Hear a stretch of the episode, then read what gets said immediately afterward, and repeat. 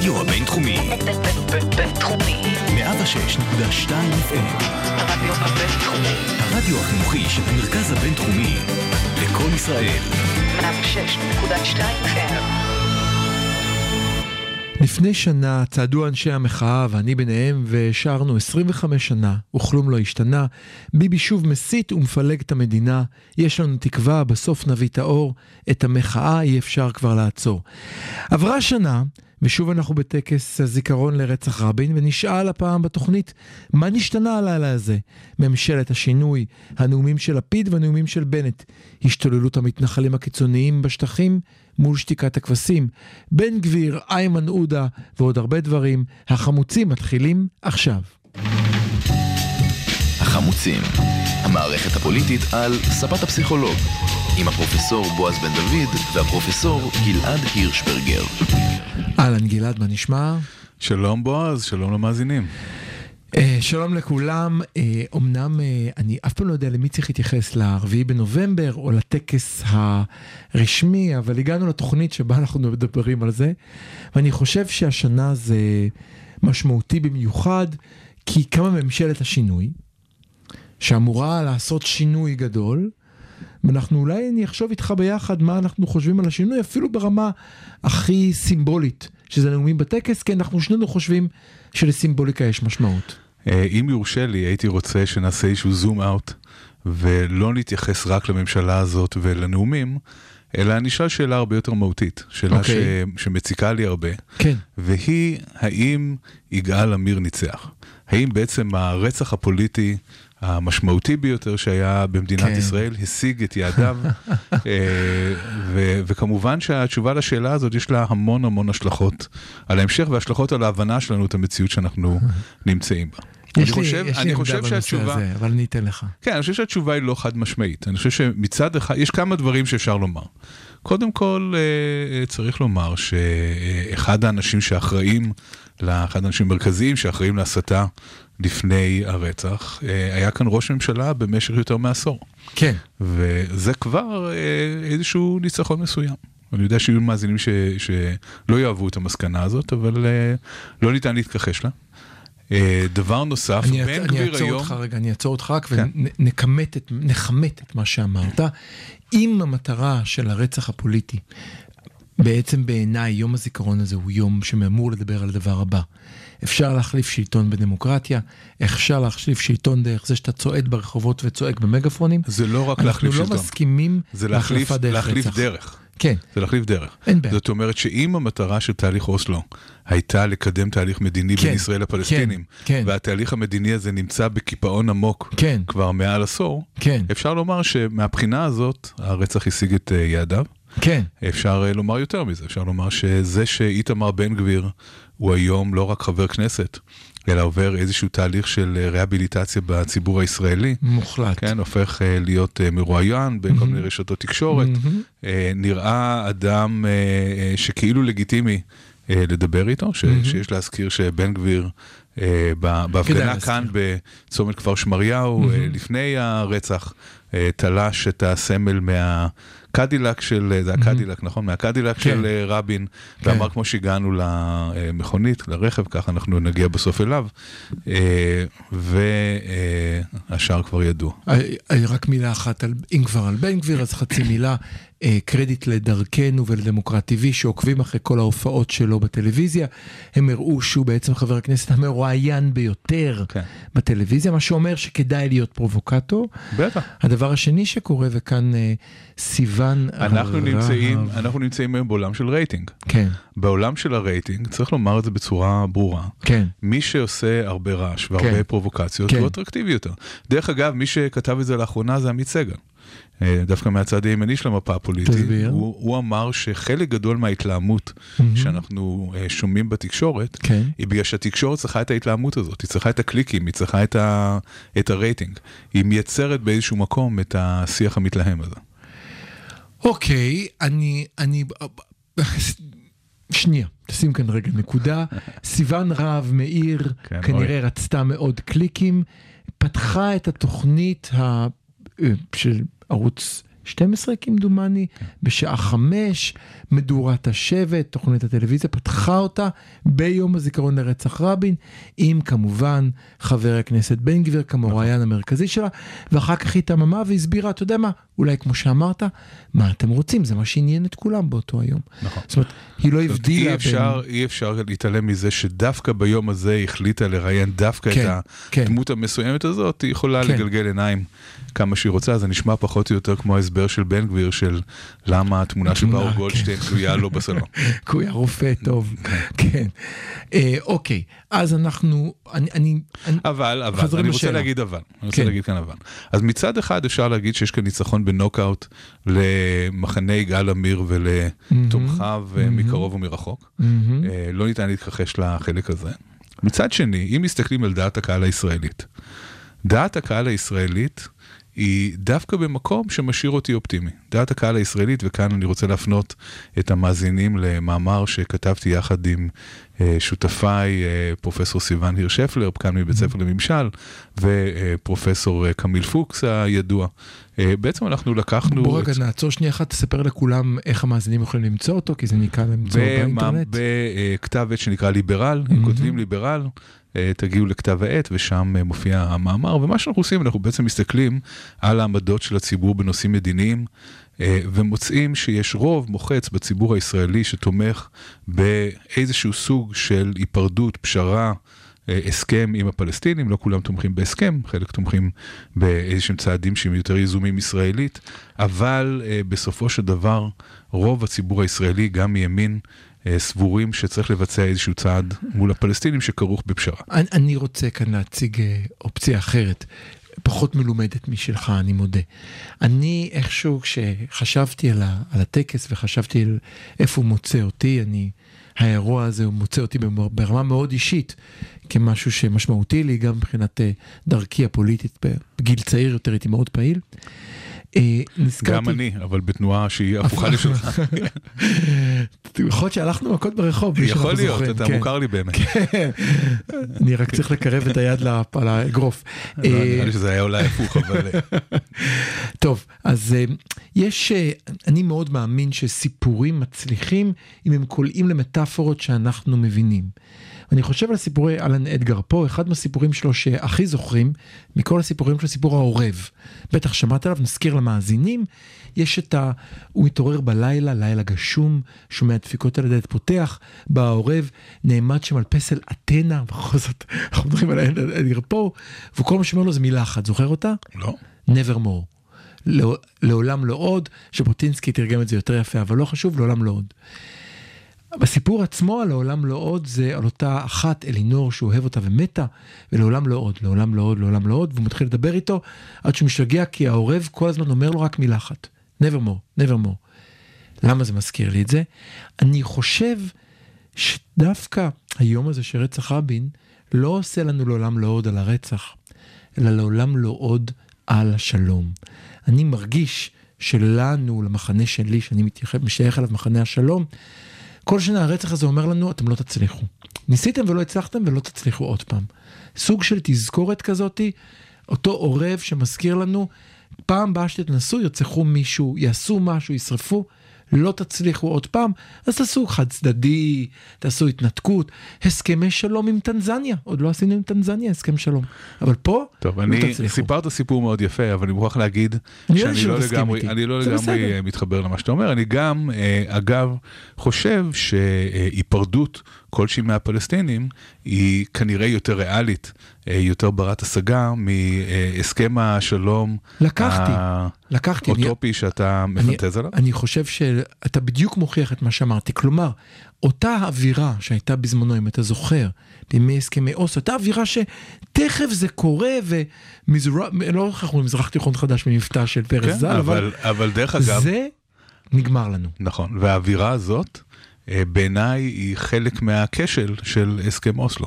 תסביר. זאת אומרת, אה, אני, אני חושב שאני חוקר איומים, כמו שמאזיננו אה, אולי שמעו בעבר. יש לנו מאזינים ו- חדשים? ספר להם על זה. חושב, ואני חושב שבאוסלו הייתה קצת אובר אופוריה. היה אה, הדרך שבה מסגרו את ההסכם הזה הייתה דרך אה, שגויה. אוקיי. נתנו לאנשים להבין שהגענו לקץ ההיסטוריה ושעכשיו יותר לא יהיה סכסוך בין ישראל לבין הפלסטינים. מהמם, נכון. אה, וזה היה לא ריאלי לחלוטין, זה לא, לא טעם את המציאות, זה לא טעם לא את הדרך שבה הפלסטינים ראו את ההסכם, זה לא טעם את הדרך שבה חלקים לא קטנים בציבור הישראלי ראו את ההסכם. אפשר היה לדבר על זה בצורה שהיא הרבה יותר אה, אה, אמיתית, ואני אתן דוגמה לאיזשהו מחקר שעשינו לאחרונה. אתה אה, אומר לדבר על זה בצורה שנייה, אני רק עוצר אותך בשביל לראות שהבנתי, לדבר על זה לא בפרחים, אה, אלא יותר לדבר על זה כי זה מה יש, ובואו נשיג את הכי לא, טוב שאפשר. אתה דיברת על מטאפורות, אז בוא, אני. בוא נדבר על מטאפורות. מעולה. כן? המטאפורה של הסכמי אוסלו זה שהנה חתונה גדולה. הנה החתונה הפלסטינית הישראלית, הגדולה, ומכאן תצמח אה, אהבה שהיא אה, אינסופית. משהו שהיה לחלוטין מנותק, מ-. היה מנותק והוא לא פחות מנותק היום. אה, אנחנו לאחרונה עשינו מחקרים שבדקו את המטאפורה ההפוכה לחתונה, המטאפורה של גירושין. גירושין. ואמרנו, גירושין זה בסך הכל הסכם, כן. הסכם שיכול להיות מאוד טוב. אה, הסכם שאולי יותר יציב, יהיו שיאמרו הסכם נישואין, נישואין יכולים להיגמר, אבל גירושין זה for- זה forever. ו- אה, אהבתי את ובהסכם, הגישה הזאת. כן. אתה אומר שגירושין זה דבר יציב יותר מנישואים. מאוד יציב, גירושין כן. זה דבר מאוד כן, מאוד יציב. כן, כן, כן. ואם אה, אם גירושים לא מצליחים, אז מגיעים לחתונה בסוף, כן? זה, שזה זה- זה כאילו ה-worst case scenario, נכון? אוקיי. אז גירושין זו מטאפורה לא רעה, בגירושין יש גם דבר אחד מאוד טוב. בגירושין אין ציפיות מהצד השני. זאת אומרת, או יש מעט ציפיות, ציפיות מינימליות מהצד השני, אולי אוקיי. להיות, אולי להיות סיבר, להיות, אה, אה, כן, הגון בצורה סבירה, אבל אין איזה ציפיות לאמפתיה, לאהבה, ל- לא, לסליחה, ל- לא, שכל אחד יקיים את הצד שלו בהסכם, כמו נכון, שכתבנו נכון. אותו, ותודה רבה, שלום שלום. נכון, בדיוק, אוקיי. כשכל אחד מקבל בעצם משהו, כן. המשהו הזה הוא לא אידיאלי. עכשיו, מי מהמם. שצידד מאוד בהסכם גירושין כזה הוא עמוס עוז. הוא תיאר אה, שלום עתידי בין ישראל לפלסטינים כ-clenched teeth compromise, ככה הוא קרא לזה, אה, פשרה את בשין- עצמך. ב- בשיניים חשוקות. שיניים חשוקות. כן. אוקיי. אה, והוא גם אמר שהסכם שלום בין ישראל לפלסטינים הוא משול לטרגדיה שבה אולי הבמה לא מלאה בגופות כמו בטרגדיה כן. שייקספירית, כן. אלא שכולם עצובים ומדוכאים ומבואסים כמו בטרגדיה צ'כובית. כן. כן, הוא לא ראה לנגד עיניו אפילו לרגע אפשרות של, ה... של מה שניסו למכור לנו בא- באוסלו, של אה, הסכם אידילי כזה. מהמם. אז אולי צריך לרדת מההסכם האידילי הזה. גם יש עוד, עוד דבר שהוא בעייתי בחתירה הזאת להסכם אה, אוטופי שהוא לא, הוא, הוא לא ריאלי, הוא לא, הוא לא בר השגה כרגע. אוקיי. וזה שמעמיד, שבלי בלי משים, בעצם מעמידים המון מכשולים בפני האפשרות להגיע להסכם כזה בגלל כל התנאים המקדימים. צריך אה, אמפתיה, ברור, וצריך ברור, לסלוח, ברור, וצריך ברור. להבין, וצריך ברור. לקחת את הפרספקטיבה של הצד השני. ברור. אלה דברים שהסיכוי שהם בעצם- יקרו כולם הוא מאוד מאוד אתה בעצם קטן, אומר, אם הולכים להסכם שלום תועלתני קר, קר לגמרי. קר לנו הרבה יותר להגיע אליו, כי אנחנו לא צריכים לוותר על הדברים שמשמעותיים לנו, ולא צריכים להתקרב. הפלא ופלא, כשמציגים הסכם בין ישראל לפלסטינים כגירושים, אנחנו מוצאים שהימין מרכז, זאת אומרת אלה שהם כן. ימינה מהמרכז, לא הימין הקיצוני שמתנגדים בכל מקרה, אוקיי. אבל רוב הציבור הישראלי שנמצא איפשהו במרכז ובימין מרכז, נורא אוהב את הרעיון הזה. כן, זה מדבר אה, מאוד לציבור הזה, הם, הם לא רואים את זה בתור רעיון שמאלני, הם לא רואים את זה בתור משהו נאיבי, מהמם. הם יכולים להתחבר לדבר הזה. עד שזה יגיע עכשיו- לתמונה של לחיצת יד. ואז- אז שאתה יודע מה, אז, אז לא צריך את הדברים האלה. אני בכוונה מדבר על לחיצת עכשיו, היד. אם מסתכלים על, אוקיי. על uh, תהליכי שלום ועל, מהמם. ועל חיים משותפים בשלום בין מדינות שונות בעולם, הרבה פעמים זה ככה. זאת אומרת, הצרפתים והגרמנים והאירים וה, והאנגלים והסקוטים והאנגלים, הם לא uh, יום אחד התחילו להתחבק ולהגיד שהם אוהבים אחד את השני. מהמם. עד היום מספרים בדיחות אחד על השני, עד היום הם נהנים לנצח אחד את השני על מגרשי הכדורגל. כן. הם פשוט הבינו שזה לא רעיון טוב לעשות את זה יותר בשדה הקרב. אני, אני, אני אסייג, אני אלך ימינה ממך, זה, אני חושב שזו הפעם הראשונה בתוכנית. אה, אני חושב שההקבלה לאנגלים והצרפתים היא בעייתית מהרבה מאוד רמות, כי אני חושב שמה שנמצא היום בשטחים מורכב הרבה יותר ביחסי כוח, ביחסי השכלה. שמחייבים פתרון שהוא הרבה יותר עדין. זאת אומרת, כל פתרון של גירושין, אתה אומר, נשמע טוב, ואז השאלה הבאה, ומה עם אריאל? אה, אל תיכנס איתי כאן לדקויות, בגלל שיש אוקיי. פתרונות, האמת שיש פתרונות לדברים האלה. אם- אני- אני אם, אה, מסכים איתך, אבל- אבל אני זה בתור לא- מי ש- בתור מי שהיה מעורב בעבודות Mhm. על אה, איך קובעים גבול ומה הגבול וכולי, אה, כל הבעיות שנראות, אה, הטכניות האלה, כן, של מה עם זה Mhm. ומה עם זה, אלה לא הבעיות הקשות, אלה הבעיות הקלות יחסית, כן, שאותן ניתן אה, לפתור. הבעיות הקשות הן יותר הבעיות הפסיכולוגיות של לוותר. של להבין שאין דרך להמשיך בלי לעשות איזושהי פשרה. של להבין שאנחנו, אם אנחנו לא נפתור את הדברים היום, אז הם יתפוצצו לנו בפרצוף מחר. זאת אומרת, אנחנו לא נתחמק מהם. וכאן יש עוד נקודה לגבי הניצחון אה, אה, של... אה, אה, כן, של, אה, של אה, של יגאל עמיר, יגאל עמיר, אוקיי. אה, וזה שהציבור הישראלי בכללותו כן. לא כל כך רוצה להתעסק בשאלה הזאת. אז, אז אמנם זאת יש, הנקודה אמנם יש, שרציתי שתגיע אליה. נכון, תודה. אז אמנם יש אה, אה, רוב שתומך באיזושהי פשרה, אבל בסופו של דבר, אבל למה להגיע לזה? אותנו, כן. ולמה? ו- אנחנו לא רוצים לחשוב על זה. ודווקא כאן אני, אולי אנחנו מסכימים באופן מפתיע, אני חושב שיום הזיכרון לרצח, שהוא חשוב לי ולא הייתי רוצה לוותר עליו, כאילו עושה עבודה הפוכה, במקום להגיד לנו לא עוד רצח פוליטי, תראו מה היה, כמה זה נורא, הוא אומר לנו אולי, למה אתם עוד פעם צריכים ללכת לזה? עוד פעם מלחמת אחים? למה אתם חייבים לזה? לא עדיף לדבר על מחיר הקוטג'? שמת לב שהקוטג' ירד לא, בחצי מה, ש? מה שחלק מהימין מנסה לעשות זה להגיד, אה, בואו נהפוך את זה לטקס ממלכתי ולא נדבר על כל הדברים השנויים במחלוקת שקשורים בזה, למשל, שרבין ניסה לקדם תהליך שלום. ועל כך, מה אנחנו חושבים על הנאום של לפיד והנאום של ראש הממשלה בנט, ואיך זה מגיע בסופו של דבר עד לאלימות, אה, השתוללות, הייתי אומר, המתנחלים הקיצוניים שהולכת ועולה, והתגובות המעניינות של גנץ, כל זה אחרי ההפסקה, כבר חוזרים.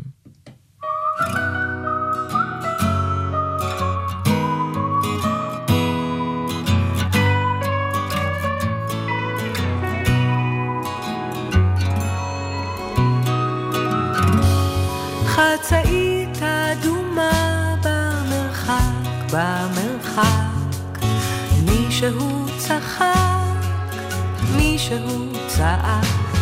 אוטובוסים באים מדרום, מצפון.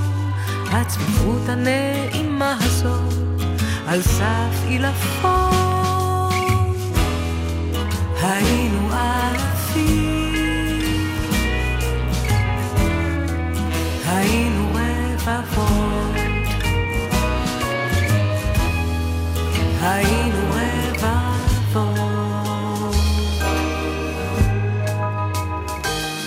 בצידנית יש בננה ותפוז,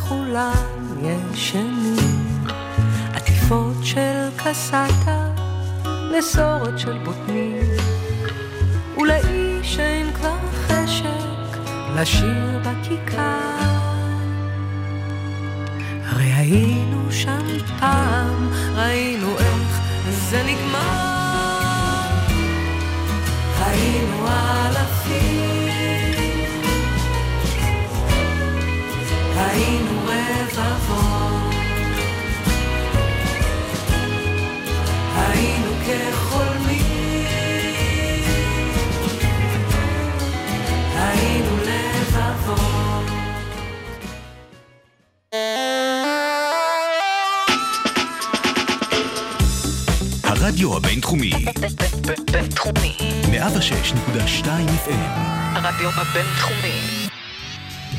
החמוצים, המערכת הפוליטית על ספת הפסיכולוג, עם הפרופסור בועז בן דוד והפרופסור גלעד הירשברגר. אז שלום, אז חזרנו, ובוא נקדיש כמה דקות לדבר על הטקס, אתה מסוגל לעמוד בזה? נעמוד בזה, נו. היה לנו כאן ויכוח קודם, אבל אני אמרתי שחייבים לדבר על זה. תראה, אה, השר לפיד, אה, ראש הממשלה החלופי ושר החוץ, שזה תוארו הנוכחי, אה, עשה נאום מאוד שונה מהנאום של בנט, ואני חושב ששניהם כאילו דיברו כל אחד למחנה שלו, ובכל זאת לא דיברו. אני לא יודע, משהו, משהו הפריע לי בכל הדבר הזה, למרות שאחר כך משפחת רבין אמרה שזה היה, טוב היה לחכות, להגיע סוף סוף שהיה את הנאום הזה, אבל הפריע לי, וכתבנו על זה מיד אחרי הנאום של לפיד. למי שפספס, לפיד אמר שם אמיתות שבעיניי הן מאוד נחרצות, דיבר על כך שצאצאיו האידיאולוגיים שרוצח ראש הממשלה נמצאים כאן בכנסת. נכון, ואת זה הזכרנו לפני אה, מספר דקות, נכון. אבל אני חושב ש- אבל לא רק זה הוא שיש אמר. כאן עוד נקודה שהיא חשובה. רגע, קדימה, רגע, לא רק. זה הוא אמר, ואז הוא אמר, עד כאן לא הייתה לי בעיה. כאן הוא אמר משהו שלי אישית הפריע ביום הזה. בכל יום אחר זה לא היה מפריע לי. הדבר הבא שהוא אמר זה, ולולא עשינו את הנס של ממשלת השינוי, הם היו שרים היום. והוא צודק. נכון. ואני אה, אני מעריך אותו עד אין קץ על היכולת הלוליינית האינסופית שלו לקבץ את הממשלה הזאת ביחד, ותכף נדבר על הקשיים שהיא מתמודדת איתם עכשיו. ובכל זאת, הפריע לי שאי אפשר היה להגיד את כל זה בלי לערב פוליטיקה מפלגתית. לדבר על מה שצריך לחשוב עליו ביום הזה, על, על השלום שאותו הוא לא הזכיר במילה, כמו שאמרת קודם, על רצח פוליטי פוליטיקה כדרך. כדי רצח פוליטי לא בדיוק. להגיד כי היום ימינה בשלטון ובכך ניצחנו, זה פוליטיקה מפלגתית. נכון, וכאן אה, אני חושב שהשגיאה שלו כאן היא בזה שההתמקדות צריכה להיות לא כל כך בצאצאים האידיאולוגיים, שהוא צודק לגבי זה, אין, אין ויכוח לגבי אני, זה. לא, אני מסכים, אלא לגבי- בסדר, רק לא ביום הזה. אלא לגבי הדרך. כן, או. ו- וכאן אני מוכרח להגיד שבשבועות האחרונים אה, עול- עולות בי ספקות מאוד גדולות לגבי ממשלת הכביכול שינוי הזאת, כי קורים דברים אה, שבעיניי הם אה, חמורים בהרבה מאשר לא בממשלה הצלחת הקודמת. להתאפק, זה אמור להיות האייטם הבא, אבל בסדר, עברנו לאייטם הבא, שלום לכולם. היי, אנחנו חמוצים. כן, תתחיל. אה, בהתחלה, אתה יודע, כבר כמה שנים אנחנו נחשפים אה, לכל מיני אה, מעשי ונדליזם ובריונות של מתנחלים קיצוניים כלפי פלסטינים. אמרו לנו עשבים שוטים. כן, יש כאלה, הרוב, הרוב בסדר, יש עשבים שוטים. כן. שאגב זה נכון, הרוב באמת בסדר. אבל אז התחלנו לשים לב שסביב אותם עשבים שוטים יש לא מעט חיילי צה"ל, שמה שהם עושים, הם לא מונעים מהעשבים השוטים לבצע את הפוגרומים שלהם, אלא דווקא מאבטחים את אותם עשבים שוטים, וכאן כבר אה, התחילה לנקר באיזושהי מחשבה שמשהו לא בסדר. רגע, ו- אני- אגדיר לך. טוב, אוקיי. לך לך. זה הולך ומחמיר כשאנחנו רואים ששר הביטחון הנוכחי, אה, בני גנץ, מישהו שהיה אמור להיות התקווה הלבנה הגדולה של השמאל הישראלי, אה, כמעט ראש ממלא- ממשלה מטעם... כמעט ראש ממשלה, נתמך על ידי הרשימה הערבית המשותפת. פיו, ממלא פיו מים, אה, הוא בהינף של החלטה יכול אה, לגרום לכך שהסיפור הזה ישתנה ושתהיה תגובה נגד אותם אה, פורעים, והוא לא עושה את זה, הוא לא מגנה זה אפילו. אה, הוא בעצם אה, באי העשייה שלו נותן אור ירוק לאותם המעשים. אה, בינתיים אה, שגרירת ארה"ב באו"ם מגנה את ההתנהגות הזו של המתנחלים, לא מגנה ישירות את ממשלת ישראל, אבל מגנה את המתנחלים, כך גם אנחנו שומעים מחברי קונגרס אה, אמריקאים שונים, לא כולם החשודים המיידיים, אלה שהם בדרך כלל נגד ישראל. אנחנו נמצאים במצב שבו קשה מאוד להתכחש לזה שהמעשים שנעשים על ידי אה, הפורעים האלה, המתנחלים הקיצוניים, מקבלים, אם לא גיבוי אה, רשמי, מקבלים גיבוי בפועל של אה, ממשלת ישראל. אני רוצה להגדיל, אני רוצה להגדיל בשקל 90, ברשותך. אה, אני, ישראל פריי התראיין בנושא הזה, ועיתונאי ישראל פריי, והוא אמר משהו שהיה מאוד חזק בעיניי. הוא אמר, אוקיי, אנחנו הרי אומרים, לא, אל תכללו ציבור שלם, באמת אסור להכליל ציבור שלם, זה נכון, תמיד נכון, אבל איפה המתנחלים שיגידו עד כאן. זה לא דרכי, ואני אלחם בה כי זה שלי. אלה הם בניי הסוררים, אם הם בנים סוררים, ואני אלחם בהם. אם יש עכשיו הרחבת התנחלות לא חוקית, מעון שנמצא מרחק 20 קילומטר מהמקום הראשון, מאיפה יש לו חשמל? מאותה התנחלות מקורית שמתחו אל הקווים. הם יכולים בחמש דקות לסגור ולהגיד עד שלא תפסיקו, אין לכם חשמל. הם יכולים לתפוס את הילדים, לתת להם פליק על האף, אם הבנת מה עזוב, מתכוון. יכולים לדבר. אני, אני מסכים עם זה. אין אפילו, כי- אין אפילו גינוי, אפילו, אתה יודע, יש דבר נוסף שהיה קורה. יש, זוכר- יש גינוי רפה של חלק מהאנשים. לא, אבל שנייה רגע, תן לי. כל פעם שיש חלילה פיגוע, באים אל כל חברי הכנסת מהשמאל, איפה הגינוי, איפה אתם היום? כל שישי, שבת, חמישי, אנחנו שומעים על פה שריפה, שם פוגרומצ'יק, ילד בן שלוש שרגמו את האמבולנס שבו כבר נגמרה המלחמה. כבר אי אפשר להגיד שהתבלבלתם, שחשבתם שזה מחבל. אולי יגדל, הוא בן שלוש, לך תדע, יש לו פוטנציאל. ואיפה איפה הגינוי? איפה משהו? איפה להגיד עד כאן? זה לא יכול להיות אצלי. אז כאן, על משקל מה שאתה אומר, אני אפנה שאלה חזרה אליך. איפה בדיוק אה, מרץ ומפלגת העבודה שיושבות בתוך הממשלה הזאת, שבעצם בחוסר המעש שלהם נותנות אה, רוח גבית למעשים האלה, אה, כאן אה, בעיניי מדובר בחצייה של קו אדום. אני חושב, אני אה, חשבתי שממשלת השינוי אה, יכולה באמת להביא לשינוי, אני חשבתי שסילוקו של נתניהו היה כורח המציאות, אבל אני מוכרח להגיד שיש לי מחשבות כפירה לגבי זה. אני חושב שממשלת אה, נתניהו, שיותר שולטת במה שקורה במתנחלים הקיצוניים, עדיפה מאשר אה, מצב הפוגרומים הנוכחי שרק הולך וגדל. אה, לא שאני חלילה תומך בחזרה של שלטון נתניהו, לא, לא, זה, אה, לא זה אני אומר, להגיד- אבל אני כן אומר, אני כן אומר, שמרצ ומפלגת העבודה לא יכולות להרשות לעצמן להמשיך לשבת בממשלה הזאת. ו, וכאן אה, אה, המעשה הזה מחתים אותן לדורות. הוא גורם לזה שלדורי דורות יזכרו שהם ישבו בממשלה שאפשרה למעשים האלה לקרות ולא עשו דבר. אז מה הם יכולות לעשות? מה הם יכולות רגע, לעשות? רגע, שנייה, לפני זה תן להשחיל מילה. קודם כל רציתי להגיד שלום לעיתונאי גדעון לוי. היי, מה שלומך? אה, שבא ואומר עדיף ביבי, כי אז יותר גרוע, כאילו, זה כבר הרע ואפשר להילחם בו. אני רוצה להגיד לך מה כן קורה היום. כשהשמאל נותן בעצם אה, לגיטימציה. גיבוי ולגיטימציה למעשים הכי קיצוניים שיכולים לקרות כן. כאן, אז בשביל מה צריך שמאל? וכאן, אה, וכאן אני גם רוצה לומר, אני רוצה לומר לא, משהו. שהוא- אתה תתן לי להשחיל מילה ואז אני אתן לך להשחיל מילה. לא, זה את המילה. אז תן לי להשחיל שלושה משפטים, קח, אתה יאללה. תמשיך אה, עם הנאום. קיבלת, ביקשת. קיבלת. תודה. תראה, אני חושב שקורה כאן משהו מאוד מעניין. אה, אני ברשותך אנתח את מרץ, כי מפלגת העבודה לא שמעתי הרבה קולות. מצד אחד אתה רואה את מוסי רז וגבי לסקי, שלא חשודים בנטייה ימינה, מסתובבים כל שישי ושבת בין ההתנחלויות, מלווים אה, פה, מלווים שם ומדווחים על כל דבר, מחמירים את, את התבטאויותיהם כלפי הממשלה. לפני דקה בטלוויזיה התראיין מוסי רז, ודיבר בצורה די בוטה, אבל השאלה המשמעותית היא כמובן, האם הם יפילו את הממשלה או יאיימו להפיל את הממשלה על רקע הדברים האלה. הם צריכים להפיל את הממשלה, לדבר וללכת אה, ולעשות כל הדברים מאוד יפים, מוסי רז במיוחד, אה, אני, כן, מאוד מוצא חן בעיניי הדברים שהוא עושה, אבל זה לא מספיק. הם צריכים להפיל את הממשלה, ויש כאן גם אמירה בינלאומית, יש אמירה כאן מאוד, אמירה, מאוד, מאוד יש חמורה. כאן, יש כאן לך פה. אמירה מאוד חזקה כלפי העולם. כן. אם השמאל הישראלי יפיל את הממשלה הזאת בגלל המעשים של הפורעים בשטחים, זה ישדר מסר לעולם שחלק מהציבור הישראלי לא מוכן לסבול את ההתנהגות הזאת, לא יקבל את זה, זה קו אדום, זה משהו שאנחנו לא מוכנים לקבל בשום פנים ואופן, ואנחנו מוכנים לעשות איזושהי התאבדות קולקטיבית לזה, כי ברור שהפלה ממשלה זה התאבדות אה, קולקטיבית במידה מסוימת. אני ברשותך רוצה להציע דרך אחרת. דקה לפני שאנחנו פה כולנו קופצים מצדה, אנא חברי הכנסת של מרץ והעבודה, אם אתם מאזינים לנו, עצרו שנייה את לא, עצמכם. לא, לא, תקשיבו. לא, עצרו, אתם לא, על קצה לא, לא, המצוק, קדימה. זה המטאפורות של גלעד, כן. אז עצרו את זה רגע.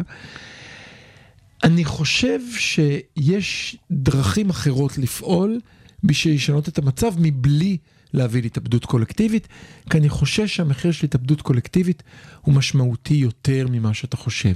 אחד, אני חושב שהמחיר של התאבדות קוגניטיבית אומר שהציבור רובו ככולו לצערי, לא מכיר, לא נמצא במידע שאתה נמצא עכשיו, לא נמצא במקום שאתה נמצא עכשיו, והתאבדות קולקטיבית כזאת תגיד להם, אוקיי, הבנו, נמאס לנו מכולכם, אנחנו חותרים ימינה שוב. בגלל זה קראתי לזה התאבדות קולקטיבית. יופי, אפשרות, ואני חושב שיכולתי להשפעות רעות. השאלה, עוד שבועיים, חודשיים, חודש, אני כבר לא זוכר, אנחנו, אנחנו אומרים לדעת את זה, אבל המונה של התקציב הולך ואוזל, הגרגרים ממש כל רגע נעלמים. האם בנקודת המצב הזו יש אפשרות למפלגת העבודה ולמרץ לעשות את הדבר הבלתי נתפס ולשתף פעולה? אני יודע, אני יודע, אני קצת חולם פה, אבל אשכרה לשתף פעולה, לנצל את כוחם המשותף ולהגיד, אנחנו דורשים פעולות. עד כאן, אחרת. הם צריכים לעשות את זה עכשיו, לא לחכות לא, לתקציב. עכשיו, תקציב זה עכשיו, זה לא, זה שום דבר. אין, צריך להסתכל על הדברים האלה בראייה היסטורית, לא בראייה אה, פוליטית קטנה של אה, מחר תקציב, מחרתיים הצבעה כזו או אחרת.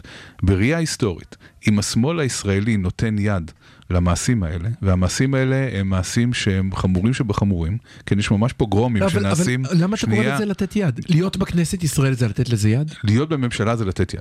להיות בממשלה ששר הביטחון שלה לא פועל נגד ה- המתנחלים האלה, זה להיות שותף מלא לעניין הזה. זה כאן אי אפשר להתכחש לזה, ואי אפשר להסתתר, ואי אפשר להגיד זה לא אנחנו. ברגע שאתה בממשלה, ולממשלה יש מדיניות מסוימת כלפי המתנחלים, שהיא לא רק לא להפריע להם במעשים שלהם, אלא ללוות אותם, אה, להגן עליהם ולאפשר להם אה, כן. לבצע את המעשים האלה, מי שעומד מאחורי המעשים האלה זה לא רק בוא בני אני- גנץ, מהמם. וזה לא רק אה, ראש הממשלה, אוקיי. זה גם אה, תמר זנדברג, וזה גם... אה, מוסי רז, אה, בוא נלך וזה על על מוסי הקצה. רז, זה גם מרב מיכאלי, זה כל שר בממשלה הזאת. אז בוא נעצור שנייה אחת, ונשאל אותך שאלה. תיכנס אתה בבקשה לראש אה, של מוסי רז, חבר הכנסת מוסי רז, קשה כי בין, תראה, בין לא שר. הפגנה להפגנה, הוא לא שר, אז- לא, אז הוא יכול הוא- להצביע נגד? נכון, הוא לא שר, אז האחריות שלו היא פחותה, אבל כל מי שהוא שר בממשלה הזאת, מעבודה ומרץ, יש להם אחריות ישירה להיכנס לעניין. לראשם של בחר לך שר, לא יודע איזה שר בא לך להיכנס. דווקא אני חושב שאתה טועה, אני חושב שהיום בגלל החוק הנורבגי, לסיעות יש משקל ואותה הקלטה שוב, שהייתה אתה, בישיבה. אתה מדבר כאן על העניין הטכני הפוליטי ולא על העניין המוסרי זה העניין, היסטורי. אתה, אתה כאן אני לא מסכים איתך.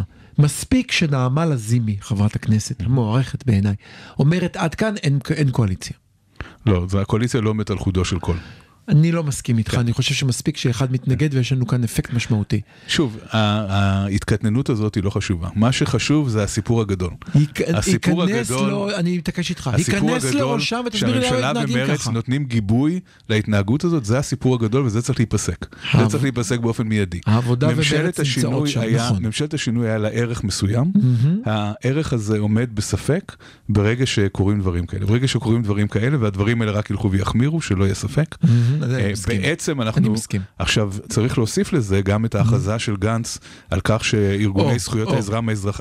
האדם האזרחיים בגדה הם ארגוני טרור. אנחנו רואים כאן ממש צעדים שממשלות אוטוריטריות אה, עושות נגד אה, מתנגדיהם.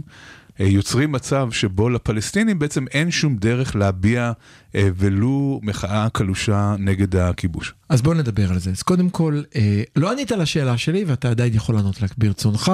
אני ביקשתי ממך לנסות להיכנס לראשם של אחד מכל החבר'ה ולהסביר מדוע הם נוהגים כך ולא מתאבדים התאבדות מפוארת כמו שהיית רוצה. אבל תראה, ברשותך, זה, זה צעד מאוד דרמטי לעשות את ההתאבדות המפוארת הזאת, הם עדיין מאמינים, יש לו השלכות אולי היסטוריות. נצליח, יש לו השלכות שהן אה, קטנות לעומת מה שקורה כרגע, לדעתי הן קטנות לעומת מה שקורה כרגע. אני חושב שיש שיש השלכות היסטוריות. זה שיש איזושהי ממשלת שינוי שנותנת יד לדברים האלה, אין לה, אין ערך לממשלה הזאת יותר ברגע שזה מה אני שקורה. חושב שההשלכות של זה הן הרבה יותר גדולות מגורלו של יושב ראש סניף נווה רמת השרון בזה, אני חושב שההשלכות של זה הן בדיוק מסוג ההשלכות שבו צעד של אדם אחד באופן אירוני, פה ושם ממשלות יכול ימין להשפיע. שלטו במתנחלים יותר מהממשלה הזאת. זה האירוניה הגדולה. והמצב הזה ויכול שבו, שבו על המתנחלים. הקיצוניים אה, מאבדים שליטה, זה מצב מסוכן שצריך לעצור אותו. אין לי אלא להסכים איתך, אני לא בטוח שהתאבדות מפוארת זה גם הצעד כאן נכון צריך היסטורית, לדבר אבל... קצת, צריך לדבר קצת לא, לא, על בוא ה... נדבר רגע על גנץ. עצור שנייה, בוא נדבר כן, על גנץ. אוקיי. סליחה. אז בוא נעצור רגע, אני חושב שזו נקודה נורא מעניינת. אני, התעורר, אני כמוך התעוררנו יום אחד עם שישה ארגונים שהוצאו מחוץ לחוק והוגדרו הוגדרו כארגוני טרור. כן. זה גרר כמה תגובות מעניינות. אני בכוונה רוצה להתעכב על התגובות האלה. אחת התגובות הייתה, שוב, ניקח את חברת הכנסת נעמה לזימי, אין לי ברירה, ממפלגת העבודה, ממש בירכתי הרשימה נכנסה דרך החוק הנורבגי, באה ואמרה, אני קוראת לגנץ לחזור מזה, אני אעלה את זה להשיב לדיון, אנחנו אם לא ניגש לבג"ץ, תתי תתם כבר התחיל להתארגן. עונה לה חברת כנסת אחרת ממפלגת, אה, איך נקראת המפלגה של גנץ? תזכיר לי, מה השם האחרון שלהם? כחול לבן, נכון? משהו כזה. אומרת, אה, כיוצאת אה, אה, השב"כ, אומרת לך, יוצאת שלום עכשיו, תסמכי עלינו, זה בסדר, משהו כזה. אני חושב, חבל שאין לי כאן את הציוץ המדויק, תכף אעלה אותו. אני חושב שזה ציוץ שהוא מדויק בכמה הוא מתאר את הסיטואציה. בא אומר צד אחד, דרך אגב, גם בן כספית ועטילה שומפפ לוי, דיברו בנושא ואמרו, אנחנו סומכים על המערכת. גם רם בן ברק, יושב ראש אה, ועדת החוץ והביטחון, התראיין היום ואמר, אני סומך על המערכת. זאת בדיוק הבעיה. או, כן. כאן עכשיו- הנקודה, תפקידו כיושב ראש ועדת החוץ והביטחון זה בסדר לסמוך על המערכת, אבל זה לא התפקיד שלו. התפקיד שלו זה לבקר את המערכת כיושב ראש ועדת החוץ והביטחון. יש כאן, יש כאן עוד נקודה. יש כאן מה עוד נקודה. קורה. שוב, אני רוצה לעשות. אני רוצה לעשות זום אאוט. הקבלה אוקיי. האוטומטית של כל מה שאומרת המערכת, אני חושב שהיא תהיה ברורה של כולנו. נכון. כי המערכת שומרת עלינו. אין דבר יותר ישראלי בסדר. מזה, כן. ברור. אבל אם נקבל תמיד את מה שאומרת המערכת, לעולם לא, נ... לא ניתן לה. וכדי להבין את המערכת צריך לעשות זום אאוט. אוקיי. ובזום אאוט הזה אנחנו לא יכולים להסתכל רק על ההחלטה הספציפית הזאת, אנחנו צריכים להסתכל על זה בקונטקסט גם של מה שקורה עם כל הפרעות של המתנחלים, מסכים, גם עם מסכים. ההחלטות של בנייה במזרח ירושלים, מסכים. גם עם ההחלטות של בנייה באי אחד, איום ל- שהוא, איום, שהוא זה עוד לא קרה. בעצם, זה כבר כן, קרה? לא, לא, שמדברים על בנייה באי אחד, שזה בעצם הגשר המחבר בין שני חלקי הגדה, אם בונים שם זה שם סוף מוחלט לפתרון שתי המדינות. כשמסתכלים על כל התמונה הכוללת הזאת, מה שאנחנו רואים זה שממשלת ישראל, שבאופן אה, אירוני הצהירה שהיא לא רוצה להתעסק בבעיה הפלסטינית, החליטה להבעיר את השטח. ממש. החליטה, היא החליטה לעשות ממש. כל צעד אה, פרובוקטיבי שאפשר, אה, הרבה יותר קיצוני מכל ממשלת ימין שהייתה פה, כדי אה, ליצור אה, אה, עימות בין ישראל לבין הפלסטינים. ועוד את הכל אה, לעשות במועד, אני יודע שאתה לא אוהב. וגם להדליק את העולם, זאת אומרת העולם כן. מתחיל להתעורר, זה- גם העולם מתעורר ומתחיל להגיב לדברים האלה. אז הם כל כך לא רוצים להתעסק בנושא הזה, עד שאולי יכפו עלינו להתעסק בנושא הזה מתוך זה שהדלקנו את השטח. זה נראה כאילו יש אגף מסוים בממשלה, שהוא, וכאן, שוב, את איילת שקד אני מבין, דיברנו כבר עליה בפרק הקודם, מי שרוצה מוזמן לחפש, החמוצים. והבנו פחות או יותר את האינטרס שלה, ניתחנו את זה ארוכות, אמרנו ראש ממשלה, היא לא, מה היא מקבלת, הכל ברור. נשאלת השאלה, מה קורה עם גנץ? מה קורה עם גנץ? זאת שאלה שנשאל כבר הרי שנתיים לדעתי, השאלה מה הזאת. קורה? אנחנו... אנחנו לא מבינים את האיש הזה. ממועד א' אנחנו עוקבים אחרי זה. נכון.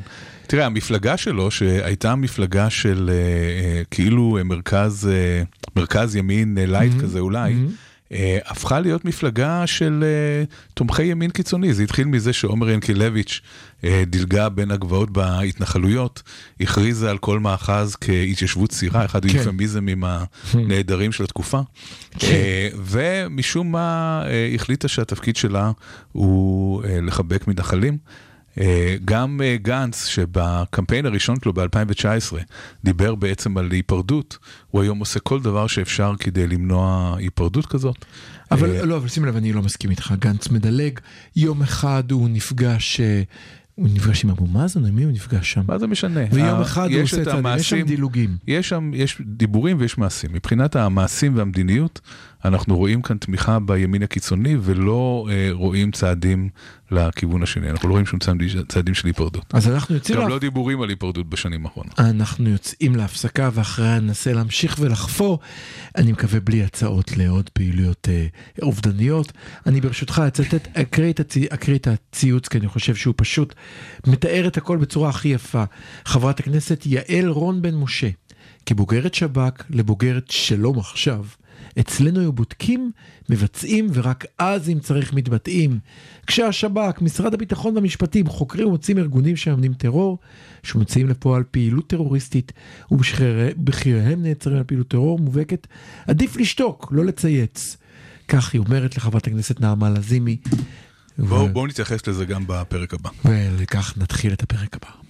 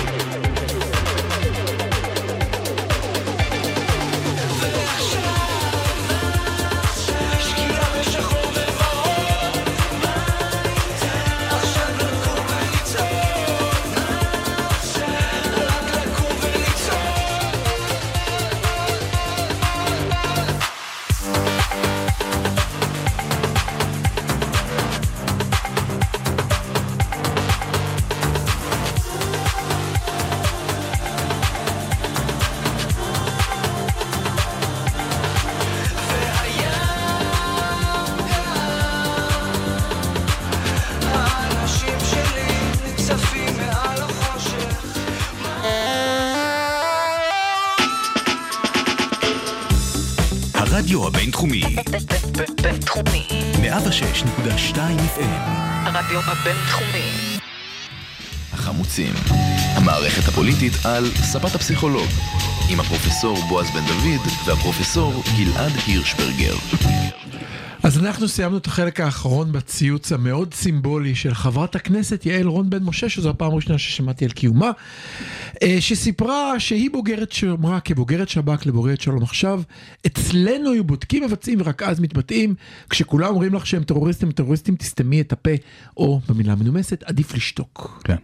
אז uh, באמת נורא קשה להתמודד עם סוג כזה של טיעון, כי בא מישהו כביכול מתוך המערכת, ואומר, אנחנו יודעים דברים שאתם לא יודעים, ופשוט תקבלו את זה שעשינו בדיקה, ומצאנו שיש אמת בדברים, uh, ולכן, uh, כן, בתור, בתור בוגרת שב"כ, לעומת שלום עכשיו, לי יש יותר סמכות לומר משהו ב... אני רוצה להגיד לך בהקשר משהו. הזה. הציוץ הזה כמובן העביר אותי על דעתי, הוא גם כולו מלא, עזוב, התנשאות, אין לו, אין לו סוף. אבל אני מודה שכשהכנתי את עצמי לתוכנית וקראתי קצת חומרים וחשבתי אם אני רוצה לומר, אמרתי, אולי, אולי אני טועה, אולי הם כולם צודקים. הרפלקס שלי היה להגיד, מה? לא יכול להיות, סתם אתם אומרים. וגם באיזה ארגון הם אומרים להיות, לתמוך בארגון שפעילות הטרור האחרונה שלו הייתה בשנות ה-60 או חטפו, ה-70. חטפו מטוסים בשנות ה-70. זאת אומרת, כן. פעילות איומה ונוראה, אבל, אבל זה לא נראה, משהו שם... ואז אמרתי, לא, רגע, אבל בועז, כאן- אולי אתה טועה, אולי הם כולם צודקים. אם השב"כ אומר לך, למה אתה חושב שאתה יותר חכם מכולם? הרי אתה לא יודע את החומר שלהם. אז כאן יש המון פסיכולוגיה שהיא מעניינת, בדיוק. אוקיי? תציל אותי, תציל אותי ואיפה מעצמי, שה- גלעד. איפה שהפסיכולוגיה מעניינת זה שאנחנו כישראלים, במיוחד הייתי אומר ישראלים שהם אה, יותר אה, בצד השמאלי של המפה הפוליטית, אנחנו נורא רוצים אה, לעשות אה, איזושהי הפרדה. בציבור הפלסטיני בין הפלסטינים הטובים לפלסטינים הרעים. אוקיי. יש את הפלסטינים הטובים, שהם רק דואגים לזכויות אזרח, וכן, זכויות נשים וכל מיני דברים כאלה, בטח. ויש את הפלסטינים הרעים הם צועדים שתומכים, בצעדת השרמוטית יחד איתם, שתומכים כמובן. ב- בארגוני טרור. אוקיי. המציאות היא כמובן הרבה הרבה יותר מעורבבת, זאת אומרת, ה- אה, כל הארגונים האלה שאנחנו קוראים להם ארגוני טרור וכל הארגונים האזרחיים, זה בסופו של דבר ציבור אחד, הם, הם מתערים אחד בשני, מכירים אחד את השני, מדברים אחד עם השני, אה, בוודאי שיש שם אה, אינטראקציה בין הגופים השונים האלה, אה, ו, ו, ולו בגלל שהם חלק מאותו מאבק כללי של הפלסטינים נגד הכיבוש הישראלי. לא, אבל אפילו אפשר לפרט. גם, זה, זה גם, אם, אם נלך אחורה להיסטוריה שלנו, של תנועות המחתרות לפני קום המדינה, אז אי אפשר היה באמת לעשות הפרדה בין כאלה שתומכים במחתרות לכאלה שלא תומכים במחתרות, כן? זה, זה ציבור אחד שהיו לו זרועות שונות שעשו דברים שונים, אבל אין באמת הפרדה. זאת אומרת, זה לא, זה לא יפתיע אותי אם מישהו באמת יצליח למצוא אקדח מעשן ולהגיד, הנה, תראה, הם מדברים אחד עם השני. לא, אני, אני רוצה כאן להגיד משהו. ויכול, קודם כל יכול להיות שאני טועה, אני באמת לא נחשפתי לחומר, ויכול להיות שיש דברים שאינני יודע ועובדים עליי, באמת ייתכן. אבל נדמה לי שיש כאן משהו, בוא, אתה יודע מה, בוא נדבר על מדע לדקה אחת, בסדר, אפשר חצי דקה על מדע, כדאי, כן. שלי, תודה. אז יש תא- תיאוריה שנקראת תיאוריית, תורה, תורת גילוי האותות, שמדברת על כך שבעולם קל, קל לנו להבין, אם מישהו צועק בחדר שקט, קל לך לדעת שהייתה צעקה. אבל מישהו לוחש באמצע מסיבה, קשה לדעת אם הוא לחש כן או לא. אנחנו בעולם קשה יותר להבחין בו, והשאלה היא איפה שמים את הקו. את הקו שמעליו תגיד היה קול, מתחתיו תגיד לא היה קול. איפה תשים את הקו? בעולם ברור, לא משנה איפה תשים את הקו. בעולם קשה יותר, מיקום הקו מאוד משמעותי לנו. וזה תהליך פסיכולוגי שאנחנו עושים, בין אם זה איתור אות בחוץ, ובין אם זה איתור סכנה שבחוץ. כאן אני חושב שהייתה החלטת מערכת, להגיד זה הקו שמימינו זה טרוריסט ומשמאלו זה לא. ואני חושב שמה שנעשה כאן, זה ההימור שלי, הוא הזזת הקו מסיבות שאינם בהכרח תלויות בסכנה אוקיי, מה מוחשית. שאתה אומר משלים את מה שאני אומר, בעצם מכניס את העניין של קטגוריזציה, כן? שאנחנו הרי קובעים איזושהי קטגוריה ואנחנו אומרים, הקטגוריה הזאת זה טרוריסטים. נכון. איפה בדיוק הגבול בין הקטגוריה של טרוריסטים לקטגוריות אחרות של מחאה? אלה לא טרוריסטים, אבל הם, הם אנשי מחאה, הם, הם מתנגדים כן. לכיבוש, הם uh, עושים כל מיני דברים אחרים, אבל לא נגדיר אותם כטרוריסטים. איפה אתה... מג... ההגדרות הן כמובן מאוד פלואידיות ומאוד דינמיות, ומישהו פשוט החליט להזיז את הקו, זה נכון. בוא ניתן שאלה מאוד פשוטה, אני חייב להגיד, להשתמש בשאלה הזאת, כי אני חושב שהיא דיון מעניין. אם אני עכשיו מחליט להתרים כסף לאלמנות של אה, מחבלים שנהרגו, או מחבלים שנמצאים היום בכלא. לכאורה אני עוזר לאלמנות ויתומים או לנשים שבעליהם בכלא. מצד שני אפשר להגיד שבכך אני תומך בטרור, כי אז הם ידעו שאם הם הולכים לעשות פיגוע ידאגו לנשותיהם. אנחנו נמצאים באותו מעגל אז דווקא כאן אני חושב, ושוב. אני חושב ששם זה מה ש... הדוגמה שנתת זה לא כל כך בגבול האפור, יש מקומות הרבה יותר אפורים מ-? ממה ש... לא, לא צריך את הדוגמאות, אני רוצה אה, ללכת, ללכת לכיוון אה, אוקיי. נוסף, אה, מדעי כמו שאתה אומר, שגם נוגע להחלטה הזאת. וכאן מאחורי הרבה מאוד מהמעשים שאנחנו רואים, וחלק גדול מהמדיניות שדיברנו עליה היום, יש איזה שהן תיאוריות לגבי אה, מדוע יש בכלל טרור. אה, כשאנחנו מסתכלים על טרור פלסטיני, אנחנו יכולים לייחס את הטרור הזה לכל מיני סיבות. סיבה אחת היא שהפלסטינים שעוסקים בטרור הם אנשים אה, רעים מטבעם, או שהם אנשים שהאידיאולוגיה שלהם היא אידיאולוגיה מאוד מאוד קיצונית ורצחנית ושאין מה לעשות. אה, אם אנחנו תופסים את הטרור בצורה כזאת, מצד אחד אין לנו הרבה מה לעשות כדי לשנות את האנשים האלה, כי הם, הם נורא רעים והם מאמינים בדברים נוראים, אבל מצד שני גם אין לנו שום אחריות על ההתנהגות שלהם. זאת אומרת, הטרור קורה בגללם בלבד, והוא לא קשור בכלל להתנהגות שלנו. זאת, זאת, אה, אה, זה ייחוס שהוא מאוד נוח לישראלים. ייחוסים אחרים זה שהטרור קורה או בגלל מצב חברתי-כלכלי קשה בגדה, או בגלל uh, הרצון uh, להיות חופשי מכיבוש. או ו- ברשותך בשילוב של כמה דברים. כן, עכשיו תמיד זה שילוב של כמה דברים, אבל לא כל אדם אנחנו- שנמצא תחת כיבוש קם להיות טרוריסט, ולא נכון. כל... יש כאן... אי אפשר, נכון, זה לא כל כך פשוט, זה לא לא אחד לאחד. לנו- מה לא נוח לנו ברור, עם ה- ברור. עם הייחוס לכיבוש ולמצב אה, חברתי-כלכלי? כי ייחוס לכיבוש ומצב כל- כלכלי-חברתי, מצד אחד אלה דברים שאפשר לעשות בהם שינוי. נכון. זאת אומרת, אם נשנה משהו, אולי Mhm. אולי לא יהיה טרור. Mhm. אה, מצד שני, זה שם חלק מהאחריות עלינו. כן, לנו יש איזושהי אחריות על המצב הכלכלי-חברתי ועל המצב של הכיבוש, אה, וזה כמובן לא נעים לנו, ולכן אנחנו מעדיפים את הייחוס הראשון. המדיניות של כל ממשלות ישראל, אבל אוקיי. הממשלה הזאת באופן אה, מיוחד טוב. רואים את זה, היא אה, ללכת באמת על הייחוס הראשון. אה, אם הם רעים ואנחנו מגלים פתאום שארגוני זכויות האזרח מתקרבים אליהם יותר מדי, זה אומר שגם הם רעים, אז אנחנו נכניס אותם לקטגוריה של הרעים. כן. אה, אפשר היה לחשוב אחרת. אפשר לחשוב איזה תהליכים קורים שגורמים לזה שאפילו ארגוני זכויות אזרח מתקרבים יותר לארגוני טרור, ומה אנחנו יכולים לעשות כדי אה, לשנות את התהליכים האלה ואולי אה, להפוך אותם.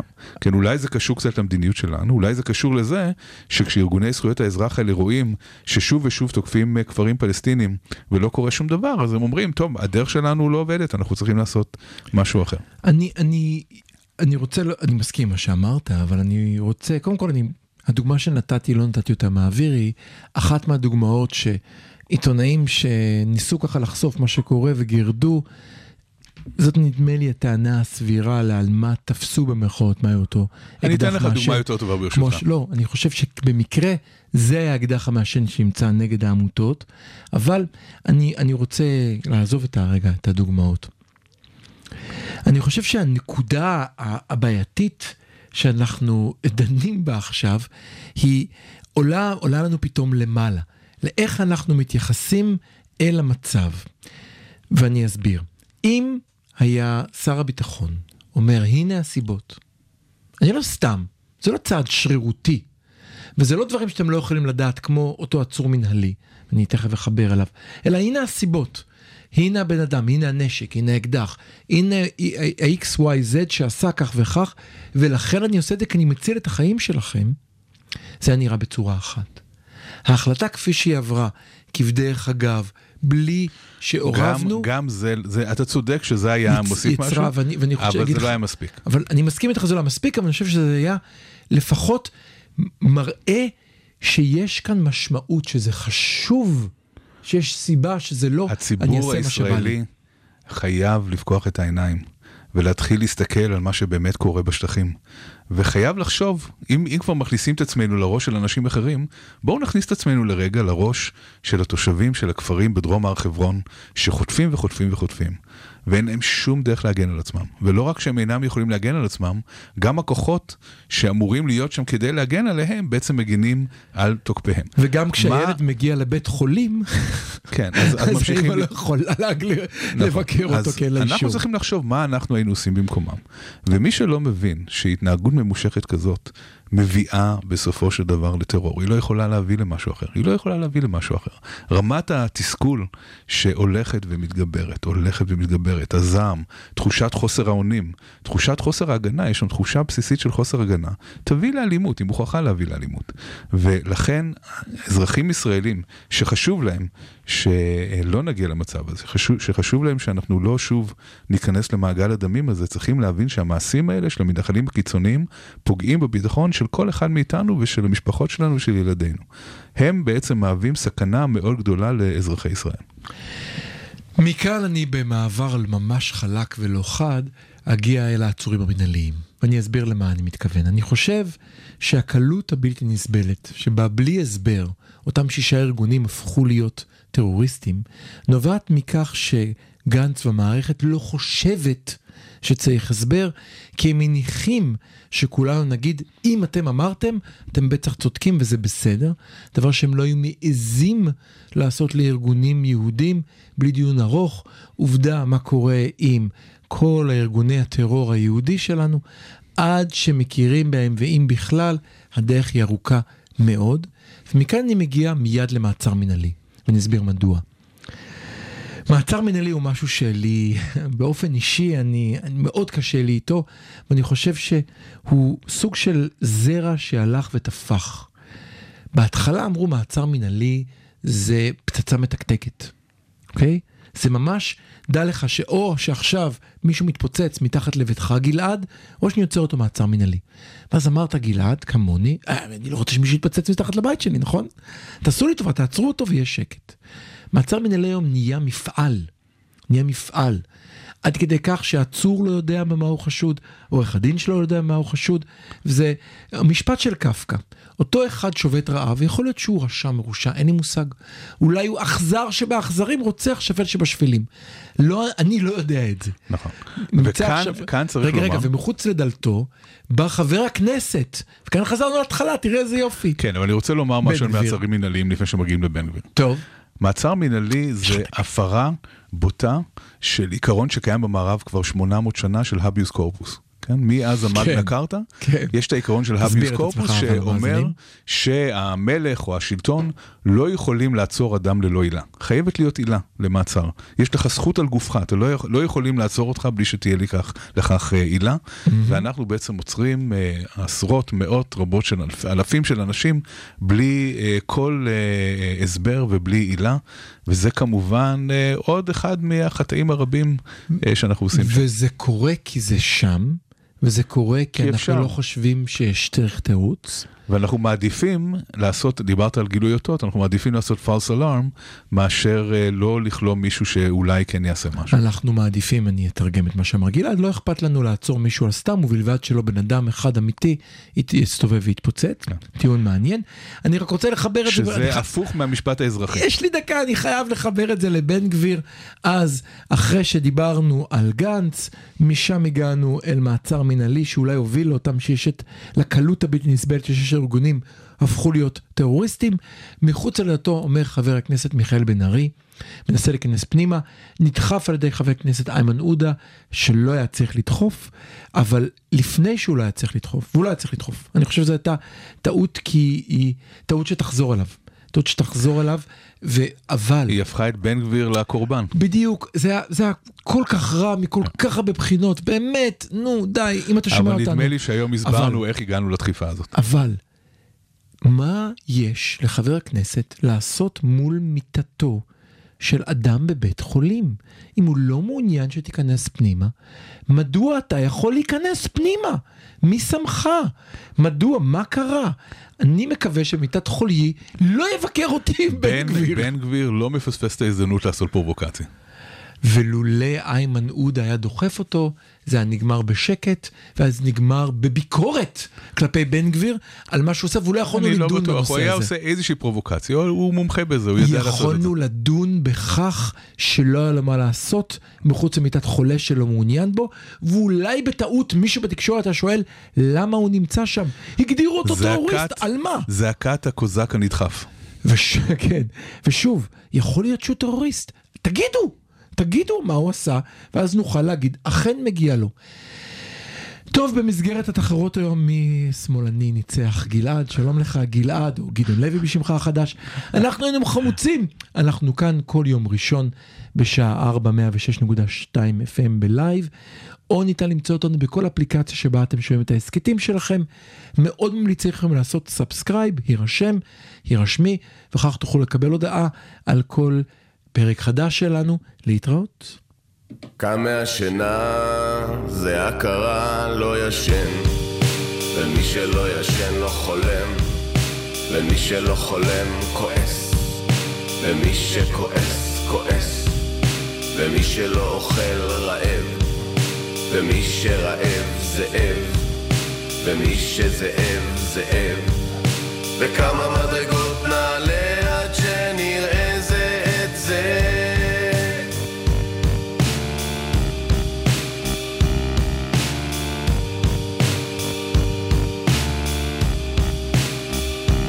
חוזר אל המיטה, שמיכה אבל לא נושם.